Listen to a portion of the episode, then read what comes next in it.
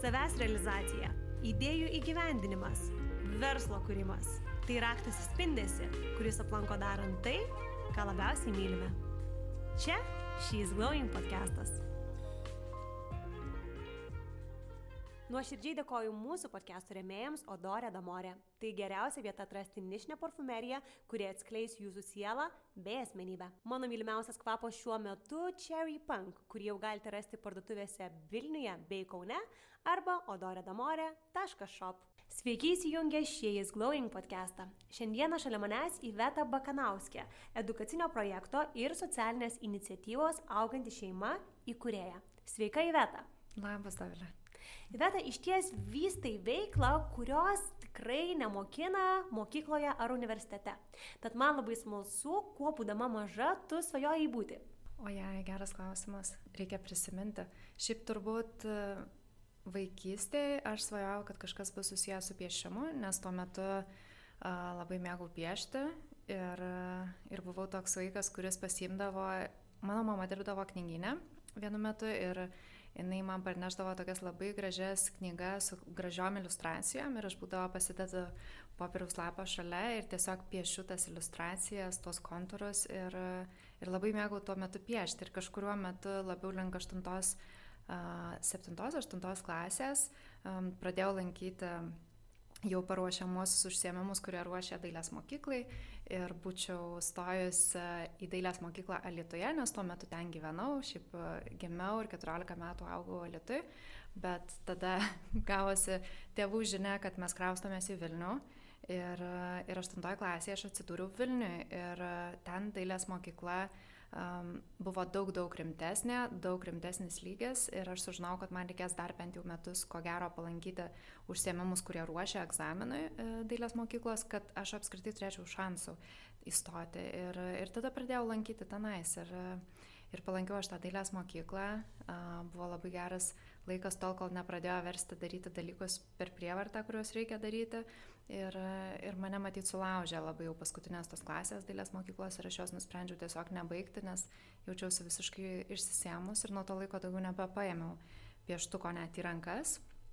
Nors, sakau, nuo vaikystės labai mėgau tą daryti, bet matyt, kažkuria prasme tą kūrybinę savo pusę realizuoju dabar būtent ir per darbus, kuriuos turiu, nes mano darbas šiuo metu, kuriant kursus, video paskaitas, dirbant su šeimom, jisai turi labai daug ir kūrybinės tos pusės. Ir matyt, kažkuria prasme realizuoju save per tai. Neabejotinai, tačiau man labai įdomu, kaip gimė mintis, idėja kurti gidus ir teikti nuolatinę paramą kitiems tevams, nes na, galbūt dažnai galima manyti, kad yra tikrai užtektinai informacijos internete ir knygose. Turbūt gimė iš to, kad aš pati jaučiausi labai vieniša motinystėje tuo metu. Ir Čia buvo 2019 metai, dar labai svarbu tą paminėti, nes šiuo metu, jeigu pasižiūrėtumėm, jau yra iš tikrųjų labai daug visko atsiradę. Tuo metu labai daug dėmesio buvo skiriama neštumo laikui ir moterys, kurios laukėsi, visada būdavo kas kažkiek laiko stebimos, tu visada aplankai tam tikrą specialistą, turi ultragarsą, hoskopiją, tave visada kažkiek tais prižiūri, tu matai žmonės galų gale, tu nesi kažkur užsidaręs kažkokioje dėžutėje. Ir Ir ta priežiūra, jinai vis tiek vienokia ar kitokia yra ir iš tikrųjų labai daug ir informacijos buvo apie tą laiką. Bet tada, kai atsirado mano dukra Liepa, kai ji gimė, aš kažkaip pasijaučiau, kad kažkaip visi dingo. Ir visi vizitai, visi žmonės, kuriuos mes matydavom, po trijų mėnesių dar prasidėjo COVID, kai jai buvo trys mėnesiai, tai mes vėlgi dar labiau užsidarėm, visi apskritai išsigandę, ten net bijodami tuo metu dar išeiti ir pamatyti žmonės, nes neaišku, kaip čia viskas veikia su ta lyga. Um, Ir taip tiesiog ir gavosi, kad aš tiesiog bėgantiems mėnesiams uh, jaučiausi vis labiau kaip kažkas mus įviliojo į šitą visą tėvystės reikalą. Uh, kol buvo neštumas, visi buvo apsupę, daug dėmesio gavom, daug žinių, visko ir atrodo tos pagalbos iš visų pusių ir tada staiga gimsta vaikas ir tu kažkuria prasme pasijauti, kad viskas, tu kažkaip likai viskas vienas su, su visu tuo kas dabar su tavo gyvenimu bus. Ir, ir viskas labai stipriai apsiverčia aukštinkojom, kai gimsta vaikas.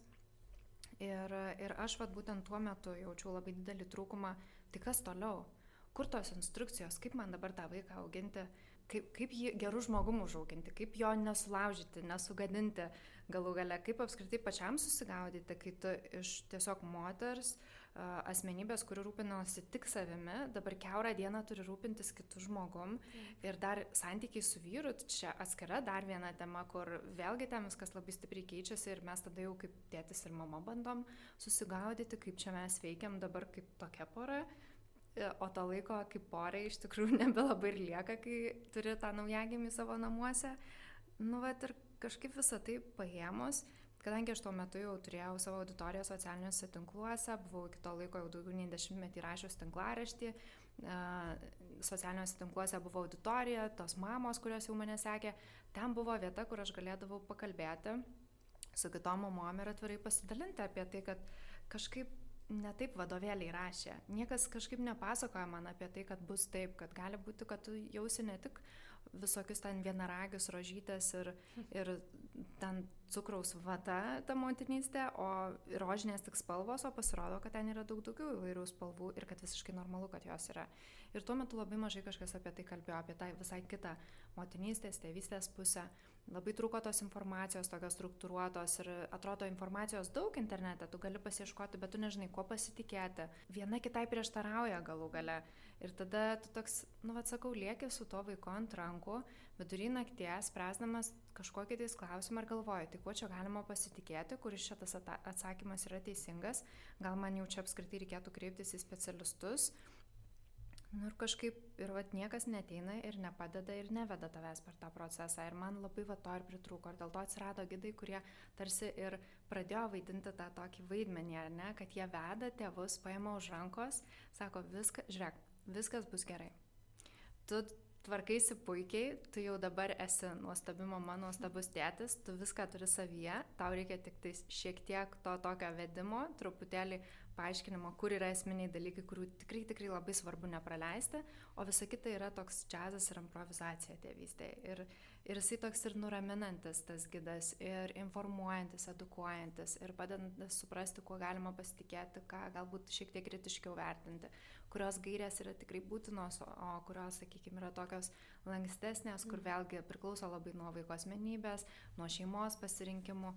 Um, Ir, ir jis kartu ir turi dar tokią didžiulę komandą už save, specialistų, tas irgi toks didžiulis ramstis, kuris e, tevams sako, kad jeigu ištiks kažkokia problema, jūs galite drąsiai prisijungti ir užduoti 14 žmonių savo klausimą. Ir jie ne tik vienas specialistas, bet gali net keletas pateikti savo nuomonę, komentarus. Ir vienaip ar kitaip viskas bus gerai. Kokiu būdu yra pateiktas tas gidas? Ar tai yra PDF failas, kurį atsisiunčia žmogus, ar kažkoks kitas būdas? Jeigu teko kada nors naudotis kokią nors e, online programa, kur viskas veikia tiesiog online platformoje, tai viskas būtent tokiu principu ir veikia, kada mes tiesiog prisijungiam prie online platformos, tenais turėdami prieigą prie to gido mes galime matyti turinį, pasirinkti mūsų dominančią temą, ant jos spausti ir tada matom susijusius video, susijusią informaciją ar kažką tais parsisintimui, kas, sakykime, yra, yra susijęs su ta, tem, su ta tema. Taip pat toje pačioje vietoje galima užduoti klausimus specialistams. Yra atskira Facebook'o grupė, kur šeimos gali jungtis tiesiog bendrauti tarpusavyje. Mes dar turim tokius skambučius kas dvi savaitės, kur mamos vėlgi gali tiesiog prisijungti vienos su kitom pabendrauti ir suprasti, kad jos ne vienos tos išgyvenimuose, kuriuos turi. Um, tai jisai toks yra labai visapusiškas, bet jo namai yra būtent ta online uh, platforma, kurioje viskas ir veikia. Tai vad, uh, jeigu žiūrim kažkokius kursus, kaip, uh, sakykime, kaip pavyzdys Coursera arba ten Teachable, ta pati platforma, ThinkFic, tai labai panašių principų, tiesiog, kad mes esam viską pastatę ant mūsų svetainės sistemos ir viskas yra personalizuota būtent mums, tai mes nesinaudojam kažkokią išorinę sistemą. Ar tai yra mėnesinis mokestis, ar tai yra one-offas, kurį žmogus nusiperka? Vienas didžiausių išskirtinumų tėvystės gidų ir yra tas, kad viskas, ką jie gauna, sumokia vieną kartą sumą už tą tėvystės gidą, lieka jiem nors ir amžinai. Tai reiškia, mm. kad jie gali susilaukti ir antro, ir trečio, ir nors ir penkių vaikų.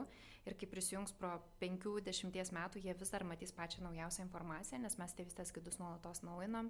Ir viskas yra online, o ne PDF'as būtent todėl, kad mes turim galimybę, kai tik sužinom, kad kažkas keičiasi, pavyzdžiui, sakykime, dabar keitėsi 20 23 metais išmokų tvarka, tai mes iš karto su teisininkė prisėdom, atnaujinom visą informaciją ir žmonės iš karto matė jau naują informaciją, nebesklandė kažkokios versijos, kurios yra senoji ta versija su sena informacija. Dėl to viską darom online, kad viskas būtų realiu laiku ir, ir naujinama pagal tėvų poreikius, jų atgalinį ryšį, kurį jie duoda ir viskas būtų naujausia ir, ir aktualiausia jiems tuo metu, kada jie prisijungia. Ar tai buvo pirmasis tavo verslas, ar prieš tai jau buvai turėjusi verslų? Tai turbūt e, svarbu paminėti, kad apskritai iki projekto, iki Liepos aš buvau komunikacijos e, strategija, um, freelancinau, turėjau savo įmonę, turėjau savo klientus, tai kažkuria prasme tai buvo verslas ir kažkada tai buvo net iki tam tikro lygio jau nuėjusi kaip ir agentūra, kur buvo samdomi žmonės, kurie atliko tam tikrus darbus ir, ir jau dirbdavom kaip komanda. Tai galima sakyti turbūt, kad tas verslas buvo, ar ne? Bet tas verslas, jisai, sakyčiau, nebuvo tokiam likmenį, kokiam yra šiai dienai, pavyzdžiui, projektas, nes tas verslas buvo labiau toks freelancinimas, pasižaidimas, pasižiūrėjimas, kas man patinka ar ne. Pavyzdžiui, iki Liepai gimstant aš tikrai per tą laiką, vat, kiek dirbau, uh, turbūt kiek 11-12 metų su komunikacija, su projektų valdymu, su internetiniais projektais, aš jau spėjau pajausti ir suprasti, kad, pavyzdžiui, agentūros valdymas yra visiškai ne man. Ir, ir darbas kaip agentūrai, kada tu esi tik projekto vadovas ir tu visai neturi jokios, pavyzdžiui, kūrybinės pusės savo darbe ir tu visą tai atiduodi jau tik kitiems, kad tai visiškai buvo ne mano. Tai, tai va, tai galima sakyti, kad verslas, bet toks nepasakyčiau, kad labai ten didelis verslas, toks labiau savo darbo vietos susikūrimas, turbūt galima sakyti. Mm, tai jisai buvo dar iki projekto, bet kai gimė dukra, neretai apskritai moteriam taip atsitinka ir dažnai kiek tenka su mamom pakalbėti, tikrai neretas atvejis, kad moteris kažkaip sustoja pirmą kartą labai dažnu atveju gyvenime po visų mokyklų, po universitetų, po kažkokios jų darbo patirties Dažniausiai tai yra pirmas kartas po labai ilgo laiko, kada mes esam priverstos visiškai sustoti. Ir mes, vat, aš tik ir tu davilė tos tokios bėgikės ar ne, kurios visada turi kažkokios veiklos, vis kažkada kažko prisigalvoja. Pirmą kartą sėdėm ant tos sofos su tuo prilipusiu vaiku prie krūtinės ir tu supranti, kad tu net į dušą retu atveju spėjai nubėgti. Ir, ir tu galvoji, okei, okay, esu čia, dabar nebegaliu dirbti ir atsiranda labai daug vietos mintise pagalvoti apie apskritai, kas toliau, kas man patinka kasdienoje ar ne, kas mane įkvepia, kas mane užpildo energiją, kas, pavyzdžiui, gal labai išsame mane ir gal tas darbas jau toks buvo patapęs automatiniu režimu, kada tu važiuoji, važiuoji, važiuoji iš to, ką žinai, bet tu per daug nesusimastai, kiek tame darbe yra likę kažko, kas man iš tikrųjų, pavyzdžiui, patinka, kas mane tikrai veža iki negaliu. Ir kai gimė dukra, tas vat, ir įvyko, kad aš turėjau pirmą kartą nusibrėžu savo, kad aš privalau metus nedirbti. Ir tai buvo toks tiesiog priverstinis dalykas savo, kad aš noriu padaryti tą pertrauką, šiek tiek atsitraukti ir pažiūrėti į viską, kas toliau, nes aš turėjau įtarimą, kad aš nebenorėsiu dirbti toliau su klientais ir grįžti į, į komunikaciją ir kad labiau norėčiau judėti link to, kad visus tuos įgūdžius, visą tą patirtį, kurią surinkau per tą dešimtmetį, kad panaudočiau kažkam, kas pagaliau būtų visiškai tik mano, kad tai būtų kažkoks produktas, galbūt paslauga, bet kažkoks verslas ir, ir tiek. Ir vienintelė mintis, kur, į kurią, kurią nusinešiau į motinystę. Ir, ir tada, kaip ir daugeliu moterų įvyksta, um, taip ir gimė įvairios idėjos ir tas kristalizavosi, kristalizavosi ir, ir išaugo į tą tokią mintį, kad labai trūksta informacijos, kuri būtų um, būtent tik apie tą laikotarpį, kuriam esam su vaiku. Nes kai vaikelis atsiranda, kiekvienas mėnesis, kartais net savaitė atrodo kardinaliai kitokie. Ir tu gali skaityti, pavyzdžiui, kas bus po šešių mėnesių, bet tai yra visiškai neaktualu. Tai yra perteklinė informacija, kurios ir tu, tu ir taip neturi smegenyse jau vietos, kurie dėti, nes ir taip labai visko daug vyksta ir tau reikia atsakymų čia ir dabar, tik apie tą laikotarpį, kuriame esi. Tai tėvystės gidai ir gimė su tą mintim, kad mes koncentruojamės į konkretų amžiaus tarpsnį, labai siaurą amžiaus tarpsnį, tai pavyzdžiui yra a, pirmas, pirmojo mėnesio tėvystės gidas, yra antro, ketvirto mėnesio, penkto, septinto, aštunto, vienuolikto tada, po to metų pusantrų ir pusantrų dviejų ir po truputėlį ruošiam ir tolimesnius tėvystės gidus. Tai va, tai koncentruojamės, turbūt vienas didžiausių išskirtinumų ir yra tai, kad į labai siaurą laikotarpį ir tevam duodam sukramtytą, maksimaliai koncentruotą informaciją viską, ko jam gali reikėti tam konkrečiam amžiaus tarpsniui. Kaip tau sekėsi įvesti šį produktą į rinką? E, Klausiu todėl, kad nepaslaptis, kad mano pagrindinė veikla, ar ne, yra šis Glowing klubas, kas yra platforma moteriams, kurios yra verslios veiklios ar nenori ugdyti savo įgūdžius. Ir e, tikrai drąsiai galėčiau sakyti, kad turbūt pagrindinis iššūkis, su kuriuo mums teko susidurti, tai vis dėlto buvo ypač iš pat pradžių edukacija klientų, kas tai iš viso yra, nes nieko panašaus nebuvo, ar ne? Tai tavo atveju vėlgi lygiai tas pats, ar ne? Iš esmės, kai būni pirmas rinkoje su kažkokiu dalyku, tai kaip ir didžiulis pliusas, bet tuo pačiu ir našta ir atsakomybė ir nuolatinė edukacija. Tai visiškai.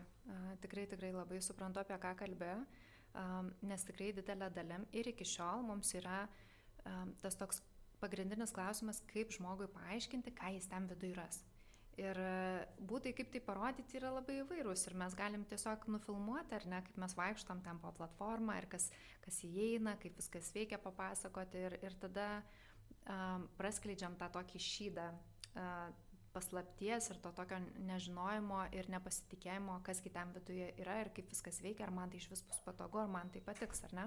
Kai praskleidžiam tą uh, paslapties visą šydą, tą tokią nežinomybę ir parodom, kaip viskas veikia realiai, vaizdžiai viduje, tai dažnu atveju išsisprendžia tos problemos. Ir, ir e, nuo pat pradžių ir stengiamės tiesiog tą daryti. Tai aš turėdama socialinius tinklus labai dažnai tiesiog paimu ir nufilmuoju, kaip viskas atrodo viduje ir įkeliu parodau. Ir labai dažnai uh, kurdama apskritai viską, visą šitą projektą, socialinę iniciatyvą, viską aš labai dažnai dalinuosi ir pačiai eiga, kaip viskas vyksta, kaip vyksta kūrybinis procesas ir net tada, kai dar net nebuvo nei vienas tėvystės gydas pasileidęs, aš jau dalinausi apie tai, kad aš jau dirbu prie to, kaip viskas vyksta, kiek daug darbo į tai įeina. Ir auditorija, tos mūsų mamos, mūsų ratas, jos jau ruošiasi ir laukia, jos jau žinojo, kaip viskas veiks dar tada, kai net nebuvo ką pažiūrėti, nes jos tiesiog pasitikėjo manim kaip žmogum ir turbūt tai irgi buvo vienas iš didžiausių tų tokių uh, dalykų, kas suteikė to pasitikėjimo, visgi pabandyti prisijungti ir pažiūrėti. O kas jau prisijungdavo bent vieną kartą, dažniausiai ir augdavo tos šeimos iki pat to paskutinio gido, nes jie tiesiog pajausdavo, e, koks kaifas ir kokia prabanga iš tikrųjų yra, kurią savo gali suteikti, tai, kad tau nebereikės skaityti knygų, kad tu galėsi tiesiog prisijungti ir visą žinoti, kad ten yra naujausia informacija, kad tau nereikia kažko eiti ir tikrinti dešimt kartų ir žiūrėti, ar tai iš tikrųjų teisinga ir kad tu galėsi pasitikėti tuo ir galų gale, kad ta informacija nėra ta, kuri tave smerkia ar kažkaip tais teisę ir, ir priverčia tave jaustis prastu mama ar tėčiu, kas labai dažnai nutinka, jeigu mes pasiemam tuos klasikinius vadovėlius, kurie kalba apie įvairias gairias, kaip vaikas ten auga po mėnesio ir panašiai. Tai va, tai tikrai yra um, tas aspektas, kurį tu ir paminėjai, dėl tos tokios nežinomybės, kai tai yra pirmas toks produktas ir nelabai yra kažko, į ką galėtų šeimos atsiremti, kai sprendžia ar įsigyti ar ne, bet manau, kad tie tokie dalykai kaip tiesiog vaizdus parodimas, kaip viskas veikia, nufilmavimas viduje arba ta pati um, asmenybė, kuris stovi už projekto ir pasitikėjimas jie jau suteikia daug svorio. Ir su laiku tiesiog to svorio pradėjo teikti ir kiti dalykai, kaip pavyzdžiui, tiesiog augantis šeimų um, skaičius, kurie jau pasinaudojo, jų atsiliepimai, kuriuos irgi galėjo matyti šeimos, uh, tiesiog grupės, visas tas judėjimas, perdavimas žmonių, ką, ką jie tiesiog susitikdami vienas su kitu papasakoja, kad va, aš naudojuosi tuo ar tuo, labai praverčia ir tada auga tiesiog tas ratas. Tai pradėjo vertis daug kitų kanalų ir daug kitų būdų, kuriais mes kūrėm tą pasitikėjimą ir darom, ką darom ir iki šiol. Palėtėjai labai įdomų dalyką, ar ne? Pasakėjai, kad iš ties yra labai svarbu, kas stovi už tam tikro prekinio vardo. Ir šiais laikais yra vis dažniau kalbama apie tą būtent vadovo self-branding, ar ne, kad tai yra labai svarbu, tačiau nepaslaptis, kad tokiu atveju, jeigu tas vadovas padaro galbūt kažkokį netinkamą sprendimą ar kažkur tai galbūt netyčia susigadina savo reputaciją, tai gali turėti ir milžinišką neigiamą įtaką pačiam verslui. Tai ar tu pati vis dėlto priėmė sprendimą stoti už to verslo ir būti to verslo veidas, tiesiog todėl, kad to norėjai, ar labiau todėl, kad tai yra šiuo metu, na, toksai kaip ir populiarus, madingas, veiksmingas dalykas? Mhm. Um, aš su šito projektu turbūt niekada nedariau nieko, kas būtų populiaru ir jau daroma ir mes dažnu atveju renkamės labai nestandartinius visokius ir sprendimus ir kaip apskritai tas verslas veikia ir, ir kas yra naujo kuriama, kaip, kaip tie nauji produktai veikia, kas naujo įvedama į, produktą, daž, į, į projektą. Dažniausiai tai yra tokie dalykai, kurie tikrai dar nėra kažkokie trendiniai, bet jie patampa su laiku, kaip ir, pažiūrėjau, jeigu dabar pasižiūrėtumėm, kai mes atsiradom, 19 metais nieko panašaus apskritai nebuvo. Dabar jeigu pasižiūrėtumėm, labai daug kursų būtent ir veikia tokiu pačiu principu. Jie kalba apie labai jau įvairias temas. Ir kai, kai mes atsiradom, labai reti kursai buvo, kurie imtų tiek daug skirtingų temų, kalbėtų apie praktinę pusę vaikų auginimo, ar dažnu atveju tai būtų, buvo labiau teorinės žinios, kalbėdavo apie žindimą, apie kartais vaiko priežiūrą, dar rečiau apie mamos psichologinę būseną, um, apie gimdymą labai dažna va, tema irgi, kur mamos labai ruošiasi gimdymui, bet pavyzdžiui labai praleidžia kitą esminę dalį, o kas toliau po gimdymo, ar ne, kaip, kaip tali, tolimesnė dalis, va, tam reikia irgi ruoštis labai stipriai ir dažnai tai būdavo praleidžiama ir mes, kai užpildėm šitą spragą, tada staiga, vat, jeigu dabar pasižiūrėtumėm, praėję yra beveik trys metai, beveik visi kursai, kurie yra didesni ir kurie yra labiau jau pažengę, jie visi jau veikia šito principu, kada kalba iš tikrųjų apie daug įvairių temų ir tai nebeliko tik dvi, trys temos, kuriuom buvo ruošiamos šeimos prieš gimdymą. Dabar jau kalbama apie labai daug temų ir, ir labai dažnu atveju yra apie pogimdyvinę depresiją, kas yra vat, irgi kylanti ta tema. Bet mes apie tai pradėjom kalbėti nuo pat pradžių dar 2019-2020 metais, kada vat gimė tėvystės gidai. Ir, ir tai, kad aš kaip asmenybė stoviu už šito projekto, tai tikrai jokiais būdais nėra kažkoks pasirinkimas dėl to, kad tai trendina ar trendino tuo metu. Um, aš puikiai suprantu, kodėl tai veikia, bet jeigu pasižiūrėtumėm visą mano istoriją, tai aš tinklaraštį pradėjau rašyti ko gero 2009-2010 metais, tokie gūdus metai, kada dar net socialinių tinklų nebuvo. Ir aš jau tada rašiau viską savo vardu ir pavardę, buvo mano matomas atvaizdas ir aš visada ėjau su tuo atvirumu skaitytojui, kad jie matytų, koks žmogus stovi už tų istorijų, už tų tekstų, kurie yra rašomi visko, kas yra ten pateikiama tame tinklaraštėje, taip pat ir socialiniai tinklai, kai jie atsirado, aš iš tikrųjų daug labai visokių atvirų dalykų pasakojau ir dalinausi ir iki šiol tą darau ir kaip mama, man atrodo, renkuosi pasakoti ne tik apie tas gražiasias pusės, bet ir tas tokias ne visada labai populiarias temas, bet man atrodo labai svarbias kalbėti. Ir aš visada rinkausi tą kelią ir aš visada buvau tas žmogus, kuris geriau pasakys atvirai tai, ką mano, kas, kas vyksta pas mane gyvenime, pasidalinsiu apie savo motinystės kelią, bet aš žinosiu, kad aš esu atvira prieš skaitytojus ir, ir, ir, ir visada mano buvo tas toks turbūt vizitinė kortelė ir net jeigu kalbam su šeimom, tai jie labai dažnai ir paminė, kai kažkas kalba apie mane, kad uh, tą atvirumą ir nuoširdumą ir aš manau, kad tai yra tiesiog na, mano tokia vertybė, kuri mane labai stipriai apskritai per viską gyvenime veda ir nenuostabu, kad jinai atsispindi ir, ir šitam projekte ir, ir visoje mano veikloje dar iki, iki projekto.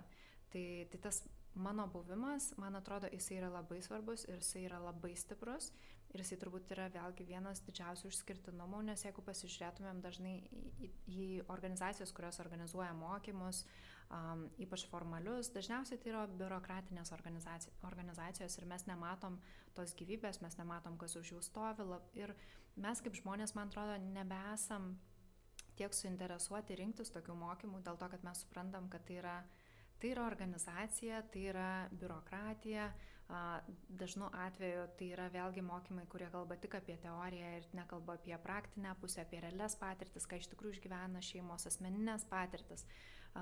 O kadangi šitas projektas ir viskas, ką mes darom su tėvystės gydai, yra labai stipriai paremti ir tuo, kad mes kalbam ne tik apie teoriją, bet ir asmeninę šeimų patirtis ir realybę, tą tikrąją, kokią išgyvena šeimos, Tai manau, kad labai svarbu, kad būtų žmogus, kuris stovėtų kaip veidas už šito projekto, o aš kaip mama, kas geriau supras kitą mamą, turbūt tik da, irgi mama ar, ar tėtis, kas supras kitus tėvus ar ne. Tai, tai aš manau, kad labai svarbu tėvam jausti, kad už šito projekto stovi tokia pati mama su tais pačiais sunkumais, tais pačiais džiaugsmais, kuriuos turi ta mama, kuri renkasi jais naudotis. Ir, ir man atrodo, kad čia yra ta mūsų ryšio, ta tokia gyja, kuri mus jungia ir kuri ir veda šitą projektą, nes tėvai jaučia, kad už jo stovi žmogus, kuriam rūpi, kuris eina per tos pačius sunkumus, kuris tikrai supranta, ką jie išgyvena ir kuriam rūpi, kad tai būtų kažkaip sprendžiama, kad būtų kuriami įrankiai, kurie padėtų ir palengvintų sunkesniais etapais tėvystę. Nebejotinai būti savo kūriamo prekinio vardo veidų, ar ne, yra na, labai daug pliusų, kodėl tai daryti yra teisingas sprendimas. Tačiau nebejotinai tai atneša ir tam tikrų, na, minusų ir sunkumų į gyvenimą. Taip, visiškai. Su kuo tau pačiai teko susidurti? Na, pradedant nuo to, kad tiesiog gatvėje einant, pavyzdžiui, labai dažnai matau mamų, kurios stumia vežimėlius, yra besilaukiančios arba veda mažus ir, ir vyrkus, tokius toddlerius žvilgsnius, nes jos mane atpažįsta. Ir yra, yra tokių mamų, kurios pasisveikina ir labai smagu, kai jos pasidalina, ką jos yra išsinešę iš to projekto, kodėl yra dėkingos ir panašiai. Ir, ir tai yra toks begalinis įkvėpimas, bet iš kitos pusės, kaip ir tu sakai, tikrai yra tas, kad aš išeidama į gatvę nu, vis tiek esu uh, tam tokiam būdėjimo režime, nes aš suprantu, kad mane žmonės gali stebėti ir kad aš jau esu atpažįstama tarp tėvų ir kad tas veidas jisai būna pastebimas ir žaidimų aikštelėse dažnai mamos būna pasižiūri ir aš suprantu, kad mane turbūt tuo metu vertina, nes jos mane mato kaip kažkokį galbūt etaloną kai kuriais atvejais, bet, bet man čia vat ir yra tas žavumas, kad aš turėdama visus tos socialinius tinklus, visą tą auditoriją, viską, aš galiu mamom padėti suprasti, kad net ir tie patys žmonės, kurie turi didesnę auditoriją ir net jeigu žiūrėtumėm tie patys influenceriai, ar ne, kurie apskritai turi begalę žmonių jų rate, kad net ir jie yra žmonės ir kad aš irgi esu žmogus toks pats, tokia pati mama, kuri vėlgi ir turi ir visokių klausimų ir mano vaikas ne, ne visada tikrai klauso ir, ir ne visada yra tobulas ir, ir ramus ir mes irgi turim kaip šeima daug visokių iššūkių ir aš renkuosi apie tai kalbėti ir man atrodo, žiūrint, pavyzdžiui, net ir mano augimą nuo tapimo mama iki dabar, kai Liepa yra 3,5 metų, turbūt vienas gražiausių dalykų, kuris įvyko ir kurį aš matau vien todėl, kad aš dalinausi labai atvirai viskuo, kaip aš ruošiausi motinystėje, kaip viskas vyko, kai augimė dukra, yra tas perfekcionizmas, nuo kurio aš dabar jau stipriai esu pasigydžius ir tikiuosi pasigydyti dar labiau. Ir, ir aš labai atvirai apie tai kalbu, nes projektas kažkuriam etape netgi vadinosi 120 procentų, todėl kad tinklaraštis buvo užvadintas taip dar prieš tos dešimtis metų. Ten. Ir aš tiesiog pasirinkau judėti su tuo pačiu pavadinimu, bet atėjo laikas, kad aš supratau, tai visiškai nebeatspindi manęs, nes kai aš tapau mama, aš supratau, kad aš nebegaliu daryti to 120 procentų. Ir aš nebet noriu netgi būti 120 procentų mama. Aš noriu būti ta mama, kuri savo leidžia ir patinginiauti, ir kažką padaryti netobulai, ir galų gali ir su vaiku kalbėti apie tai, kad viskas tvarkoja, kartais ir kažko nežinoti, kartais kažko nemokėti bet apie tai atvirai kalbėtis. Ir, ir šita platforma ir tas mano asmenybės buvimas viešoji tokioje erdvėje, aš manau, kad tai ir suteikia tą tokią gražią pamoką visiems, ar ne, kad mes kaip žmonės, mes galim visi tobulėti, aukti, mes darom klaidų, mes galim kažko nežinoti, nemokėti ir galim atvirai apie tai kalbėti ir papasakoti apie tas situacijas, kada mes išmokstam kažką, iš, įgyjam kažkokias gyvenimo pamokas. Pavyzdžiui, tas perfekcionizmas motinystėje man jisai yra turbūt viena didžiausių pamokų, kurią aš apskritai išsinešiau kaip asmenybė ir, ir ką išmokau tapus mama. Tai tiesiog labiau atsipalaiduoti, paleisti dalykus, ne viską bandyti sukontroliuoti šimtų procentų. Ir iš to atėjo labai daug džiaugsmo tokio ir asmeninio vidinio, jeigu žiūrėtumėm apskritai kaip žmogui, kaip asmenybė ar ne. Nes kai esi perfekcionistas, kartais gyvenimas gali būti labai sudėtingas, nes tu bandai viską sukontroliuoti ir darai tada arba maksimaliai gerai ir dar 20 procentų, arba nedarai iš vis. Tai aš esu dabar tokiame etape, kada tikrai stipriai jau esu pasimokius ir vis dar toliau mokausi daryti dalykus pakankamai gerai. Ir suprasti, kad ir motinystė, ir darbe, visur gyvenime viskas tvarkoja būti ir pakankamai geru. Nereikia būti visur pirmūnų. Tai Puikios išvalgos. O taip pat projektas, kurį tu vystai, yra ir socialinė iniciatyva. Kodėl nutarėjai į šį projektą, į verslą ar ne, įnešti ir socialinį aspektą, kuris, na, nėra įmoniai pelningas ir reta įmonė priema tokį sprendimą? Čia turbūt susideda labai daug dalykų, bet labiausiai turbūt emocinė ta visa pusė, kai, kai tu esi mama ar tėtis ir kai tu esi praėjęs bent jau šiek tiek to kelio, kai jau supranti, ką reiškia būti mama ir tėčiu, atsiranda labai daug supratingumo kitiem mamom ir tėčiam.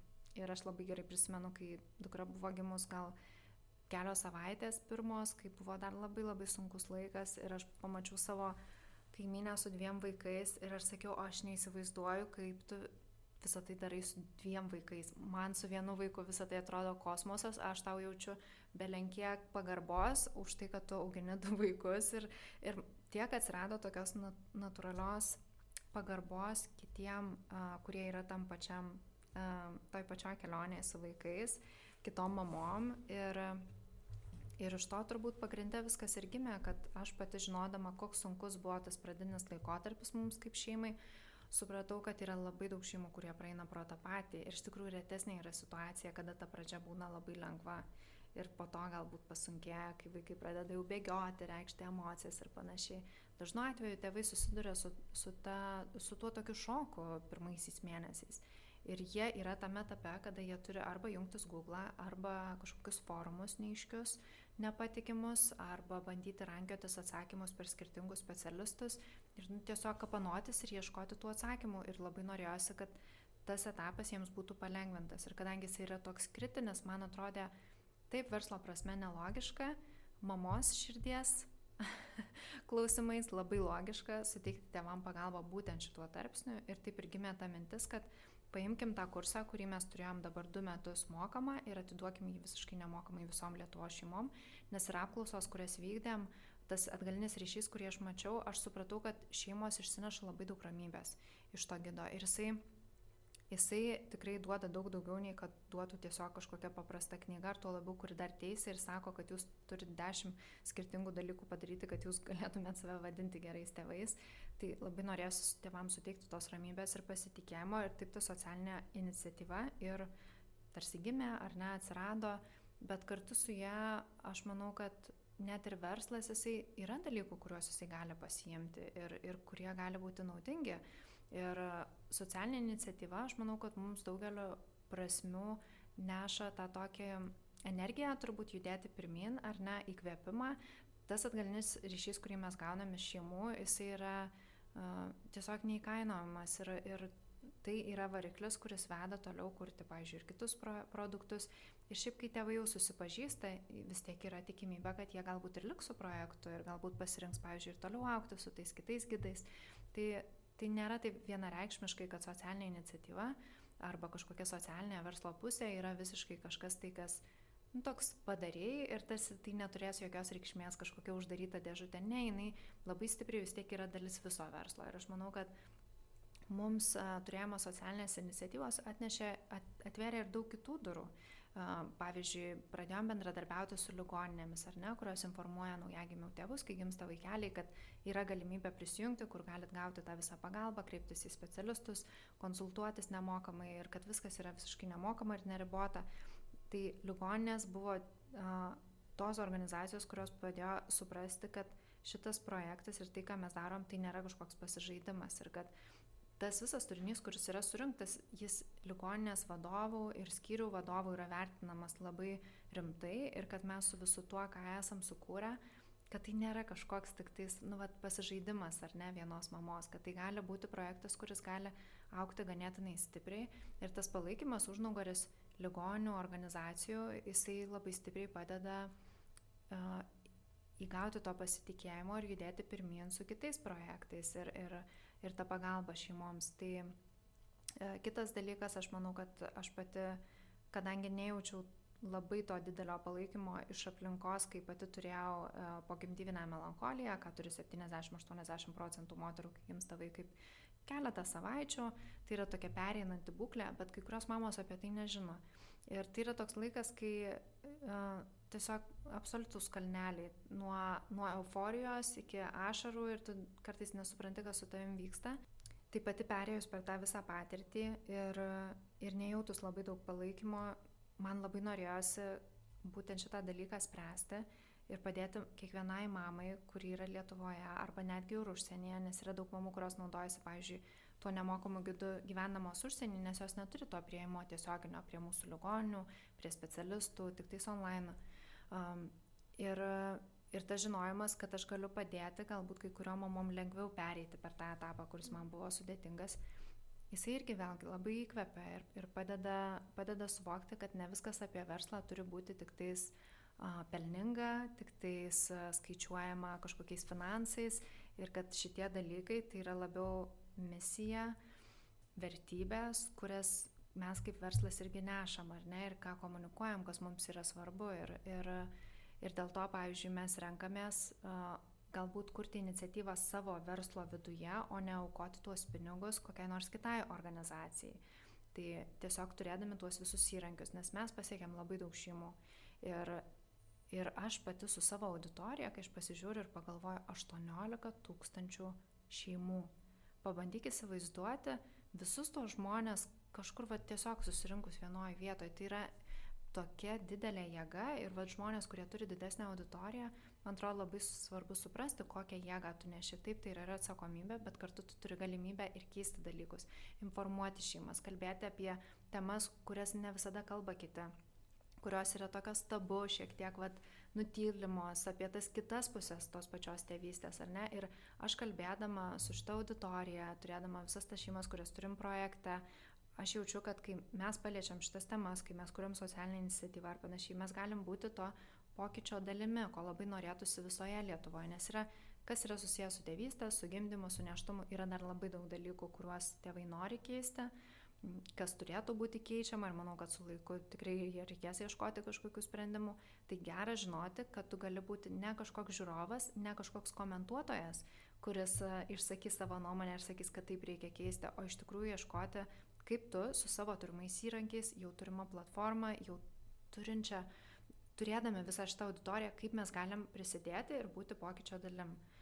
Tai dėl to ir jungiamės ir prie asociacijų, kurios um, dirba su ta gerovė mamoms, uh, tos gerovės kūrimu ir stengiamės būti dalimi ir prisidėti tuo, ko galim savo resursais, ne tik per socialinę iniciatyvą, bet ir bendradarbiaudami su kitom organizacijom.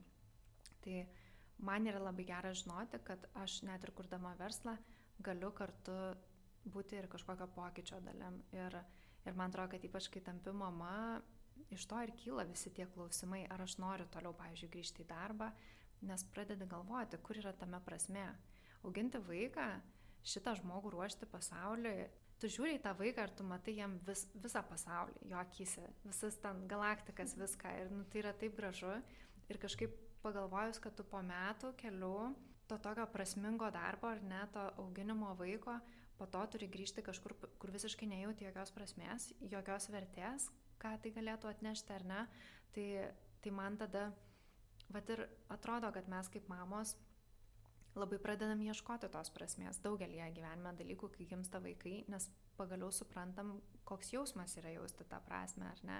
Ir prisimenam galų gale ir tos pačius ir dalykus iš vaikystės, ir, ir kas visokius hobius, dalykus, ką, ką patinka veikti kasdienoje, kas mus įkvepia, kas, kas uh, uh, suteikia energijos ir tada staiga atgimsta ir visokie, va, ir pomėgiai, viskas. Ir, ir po truputėlį, bet aišku, kita pusė yra ir ta, kad mamos labai dažnai save pastato į paskutinę vis dėlto vietą. Mm.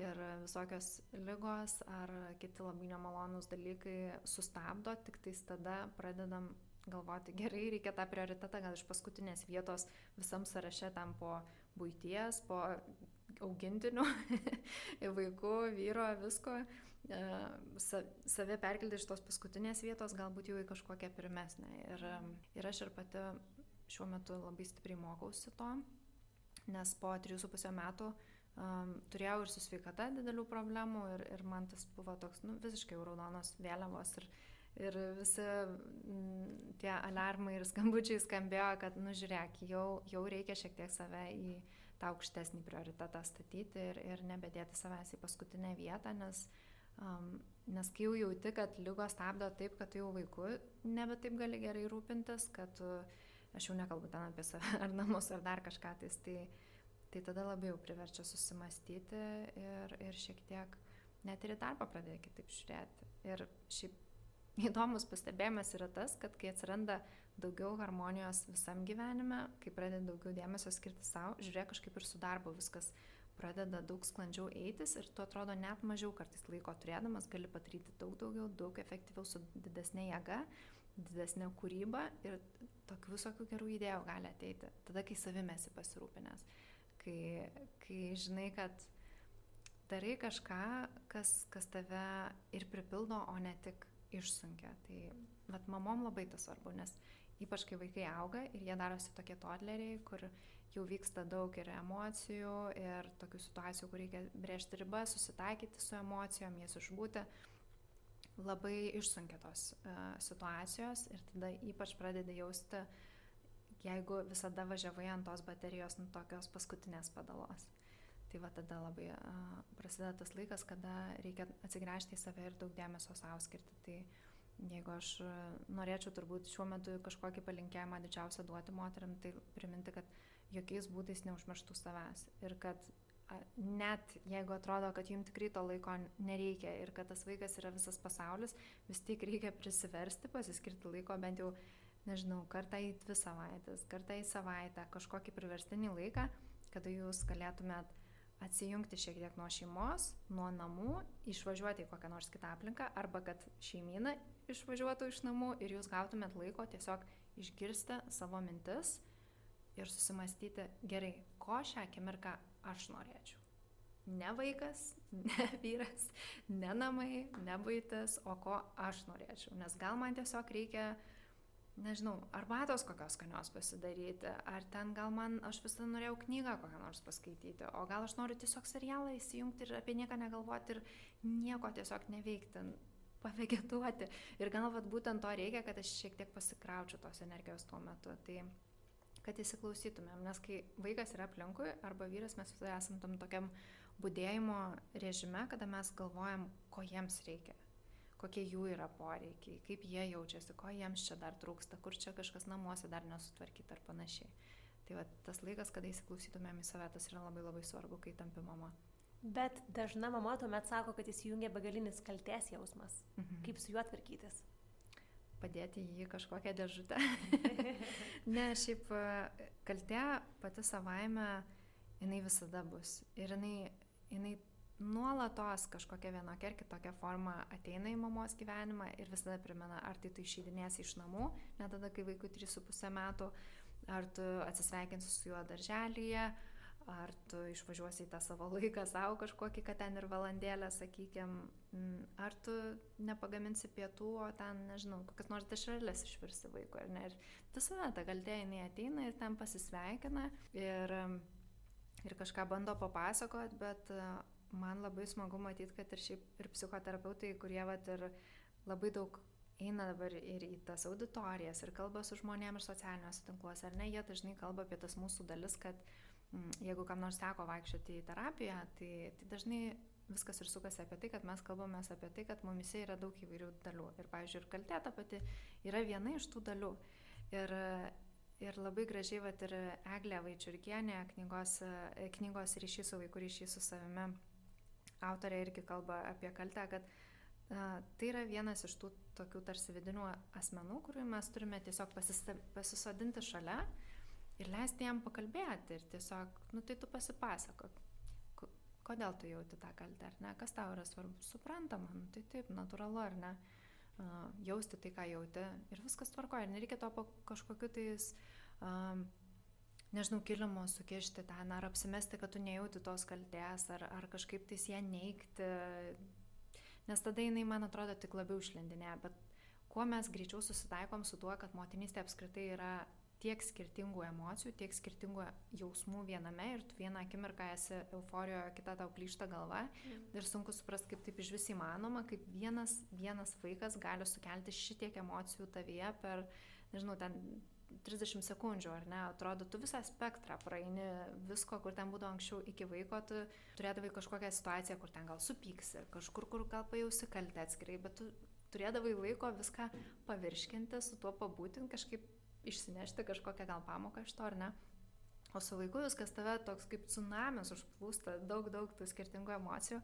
Ir anksčiau ar vėliau, man atrodo, kiekviena mama supranta, kad geriausia, ką mes galim padaryti, tai yra tiesiog suprasti, kad tos emocijos visada bus ir vaikas ar jam bus 18, ar jam bus vieni metai, mes visada jausim visokių jausmų ir visada bus tai sunku jį paleisti, tai kažkokie tokie dviprasmiški jausmai apims ir kuo greičiau suprantam, kad geriausia yra tiesiog atsipalaiduoti, suprasti, kad jie visada bus, leisti jiems būti ir savęs nekaltinti už tai, kad jie yra, tai tuo daugiau ir atsipalaidavimo, to ir džiaugsmo ateina motinystė ir ta kaltė jinai tiesiog, nu, vat, ji yra ir jinai turi savo funkciją, kaip ir kiekviena emocija ar, ar jausmas, kuris yra pa žmogų.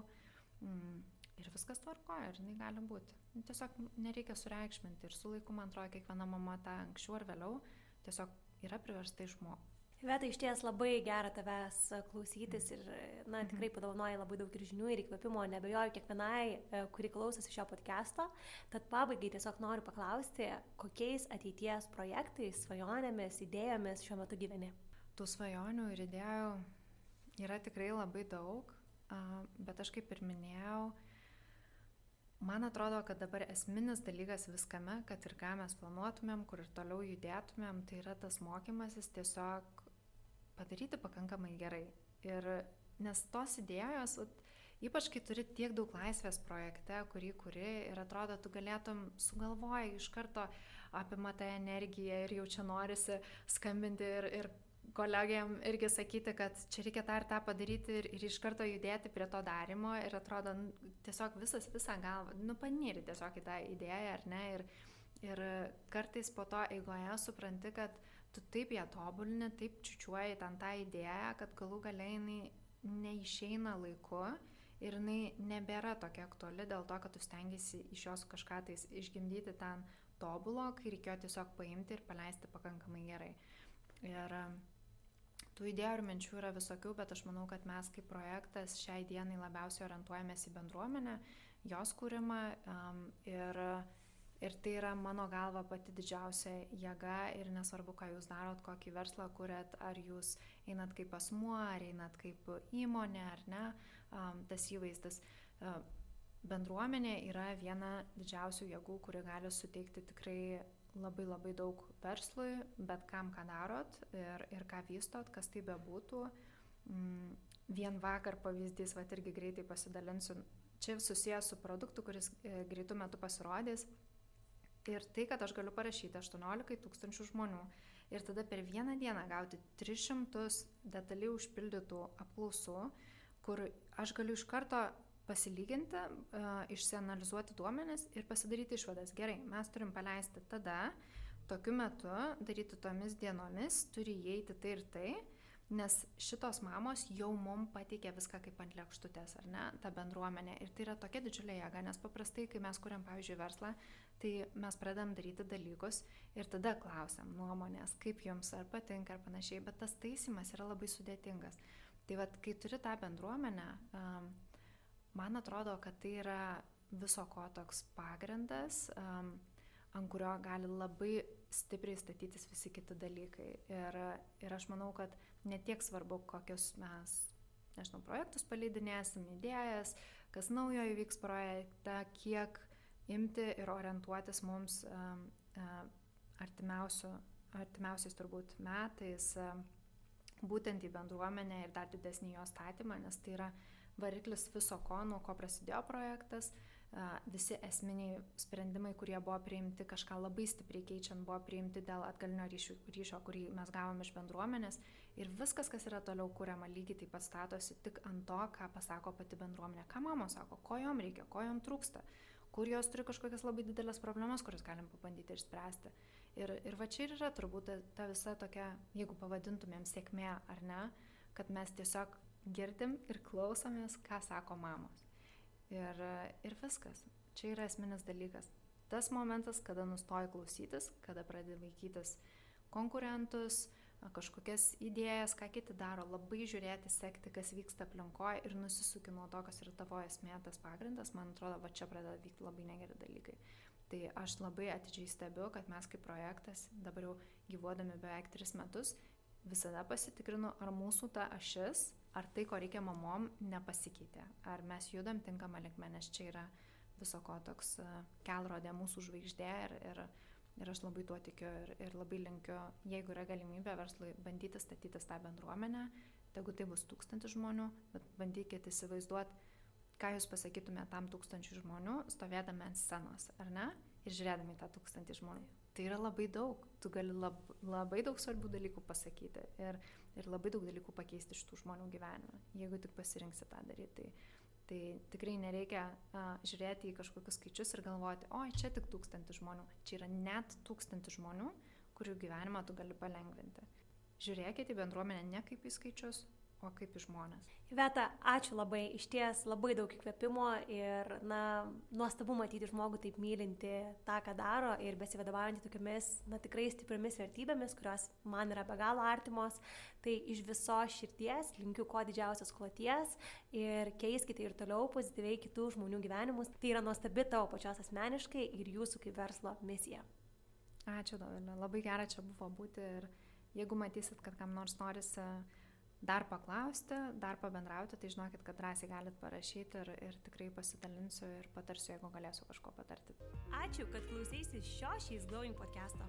Jei nori daugiau įkvepiančių istorijų, žinių, bendrystės, renginių ir kitų nuostabių privilegijų, kurias gali gauti būdama She's Glowing klubo nare, keliauk tiesiai į www.sheisglowing.lt ir tapk mūsų klubo nare. Pasimatysime ten.